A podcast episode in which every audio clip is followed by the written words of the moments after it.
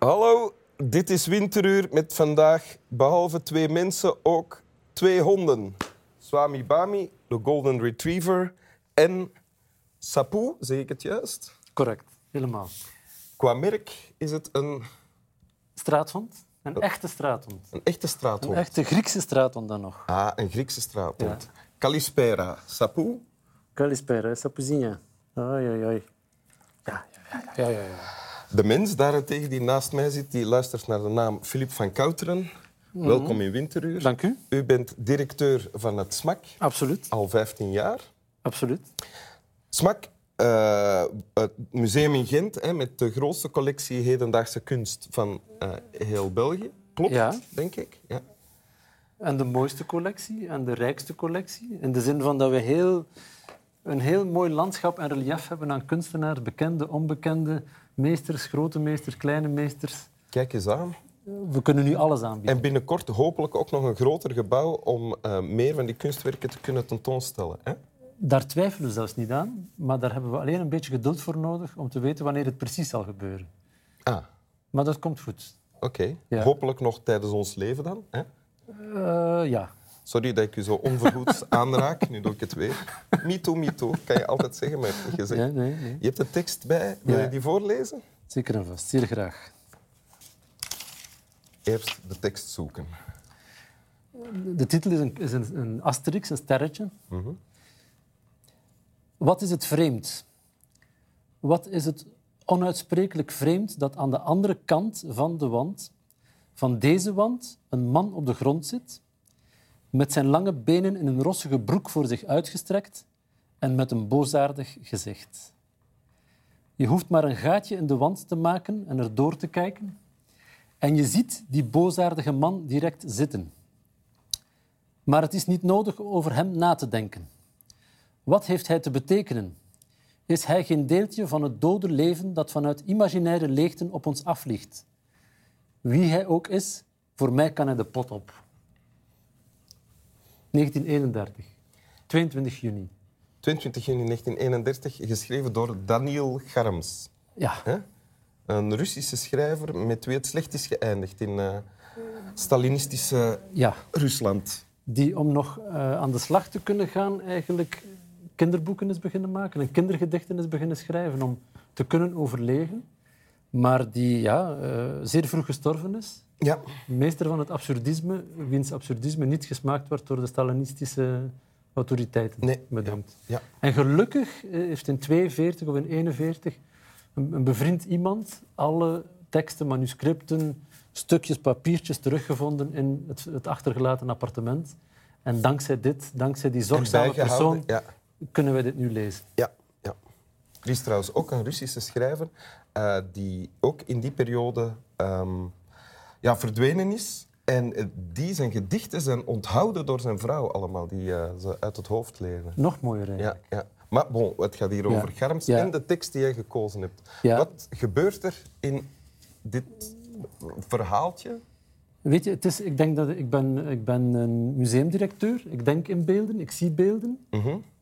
En dit is voor mij een, een installatie, dat is een situatie, dat is een, dat is een schilderij. Dat is een gebeurtenis, dat is een, Wat zie je dan? een ontmoeting. Ik, ik voel dat gedicht. Weet je, je hebt, je, er is een wand. Mhm. Hè? Dus daar is iets voor en daar is iets achter. Net zoals een schilderij aan de muur hangt. En daar is een klein gaatje in. En achter dat gaatje gebeurt er iets. Daar is een man, een figuur, een personage. Het zou mijn vader kunnen zijn, het zou een minister kunnen zijn, het zou een straatveger kunnen zijn, Ja. die daar zit, Met een rossige broek aan. ja, rossige broek aan, Ja. hè, lang uitgestrekt, Ja. weet ik veel. En we kunnen die eventjes waarnemen. Ja. Maar eigenlijk kan het ons ook niet veel schelen. En dat is het mooie, vind ik. Dat vind ik het prachtige daaraan. Dat hij ons eigenlijk weet mee te nemen op een tocht naar de absolute banaliteit, maar ons eigenlijk verslindt om er toch op een andere manier naar te kijken. Want, wacht hoor, de banaliteit, wat is er banaal? Iemand die tegen een muur zit, aan de andere kant van de muur waar je zelf zit.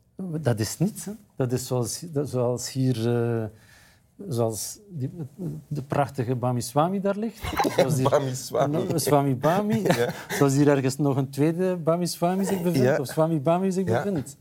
Dat is alles en niets. Dat vind ik het prachtige aan schrijvers, aan kunstenaars, dat die eigenlijk weet je, betekenis kunnen geven aan dat waar wij al lang geen betekenis willen aan geven. Of waar wij vanuit ons, onze onverschilligheid of ons belang dat we aan het functionele willen hechten, eigenlijk al willen liever aan voorbij gaan. Ja. En hij beschrijft iets wat bijna een soort levensmotto kan zijn, vind ik. Dat doet hij ook in andere gedichten. Hij, zegt ons, hij toont ons iets, iets dat er kan zijn. Dat er, hè, het is vrij een Ja. reële situatie, Ja. maar het kan er ook niet zijn.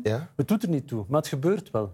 Net zo goed als wij met elkaar nu spreken, dat er tegelijkertijd ergens een kraan drupt, of dat er tegelijkertijd ergens iemand een koffie drinkt, Of tegelijkertijd Of tegel- twee, dat we twee honden horen hijgen. of bijvoorbeeld, Ja. of dat er tegelijkertijd iemand sterft, of dat er tegelijkertijd gewoon ergens een deur dichtgeslaan wordt. En is dat wat, eh, wat jou raakt in kunst dan ook? Er zijn veel dingen die mij in kunst raken, maar ik hou, eh, ik ben altijd, of ik probeer altijd op zoek te gaan. Er zijn twee dingen natuurlijk. Hè. Dat is mijn persoonlijke smaak en dat wat ik doe als museumdirecteur. Ja. Die twee dingen kunnen soms samenvallen en soms ook weer niet.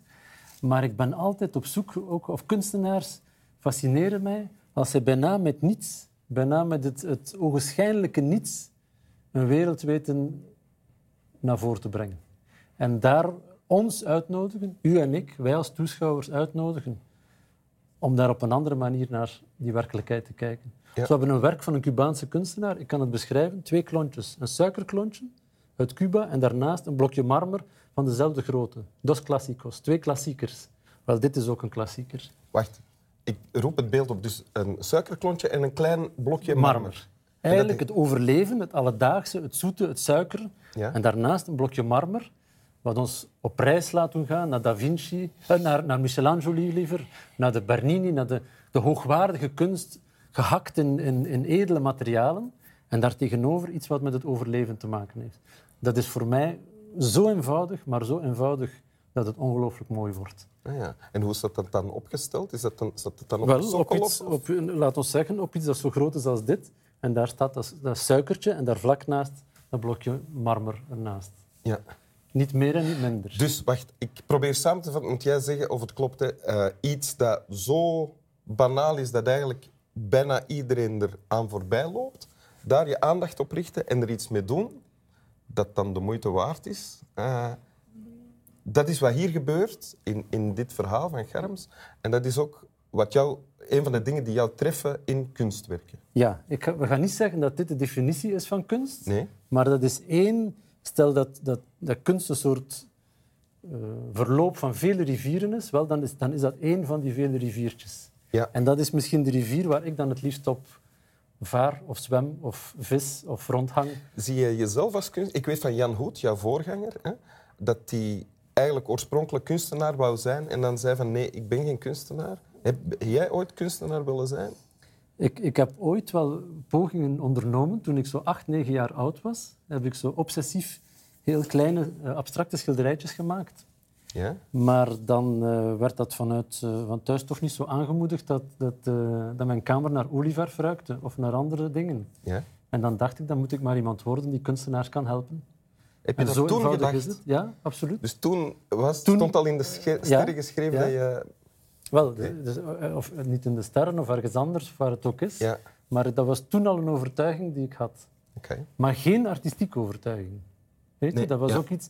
Maar ik, ik had daar wel zeer veel plezier aan. Ja. Ik zie dat, als ik daar nu over spreek, voel ik dat moment nog. En soms heel, zo heel minutieuze eh dingetjes, zo'n kandelaar waar je urenlang aan bezig bent. En dan ook denkt, waarom heb ik dat nu gedaan? Hè? Ook Ja. zoiets. Hè? Ja. Maar toch, vreugde. Je moet voorlezen.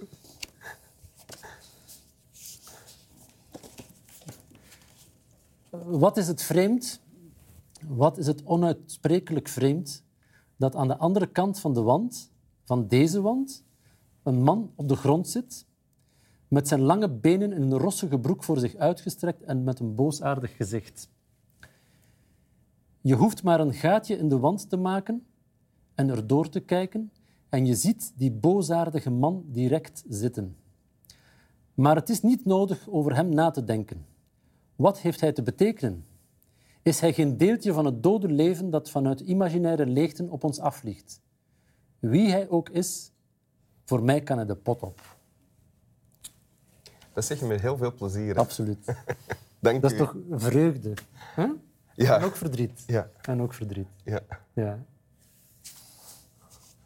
Dank u wel. Slaap wel. Waar is hem nu naartoe? Hier zien.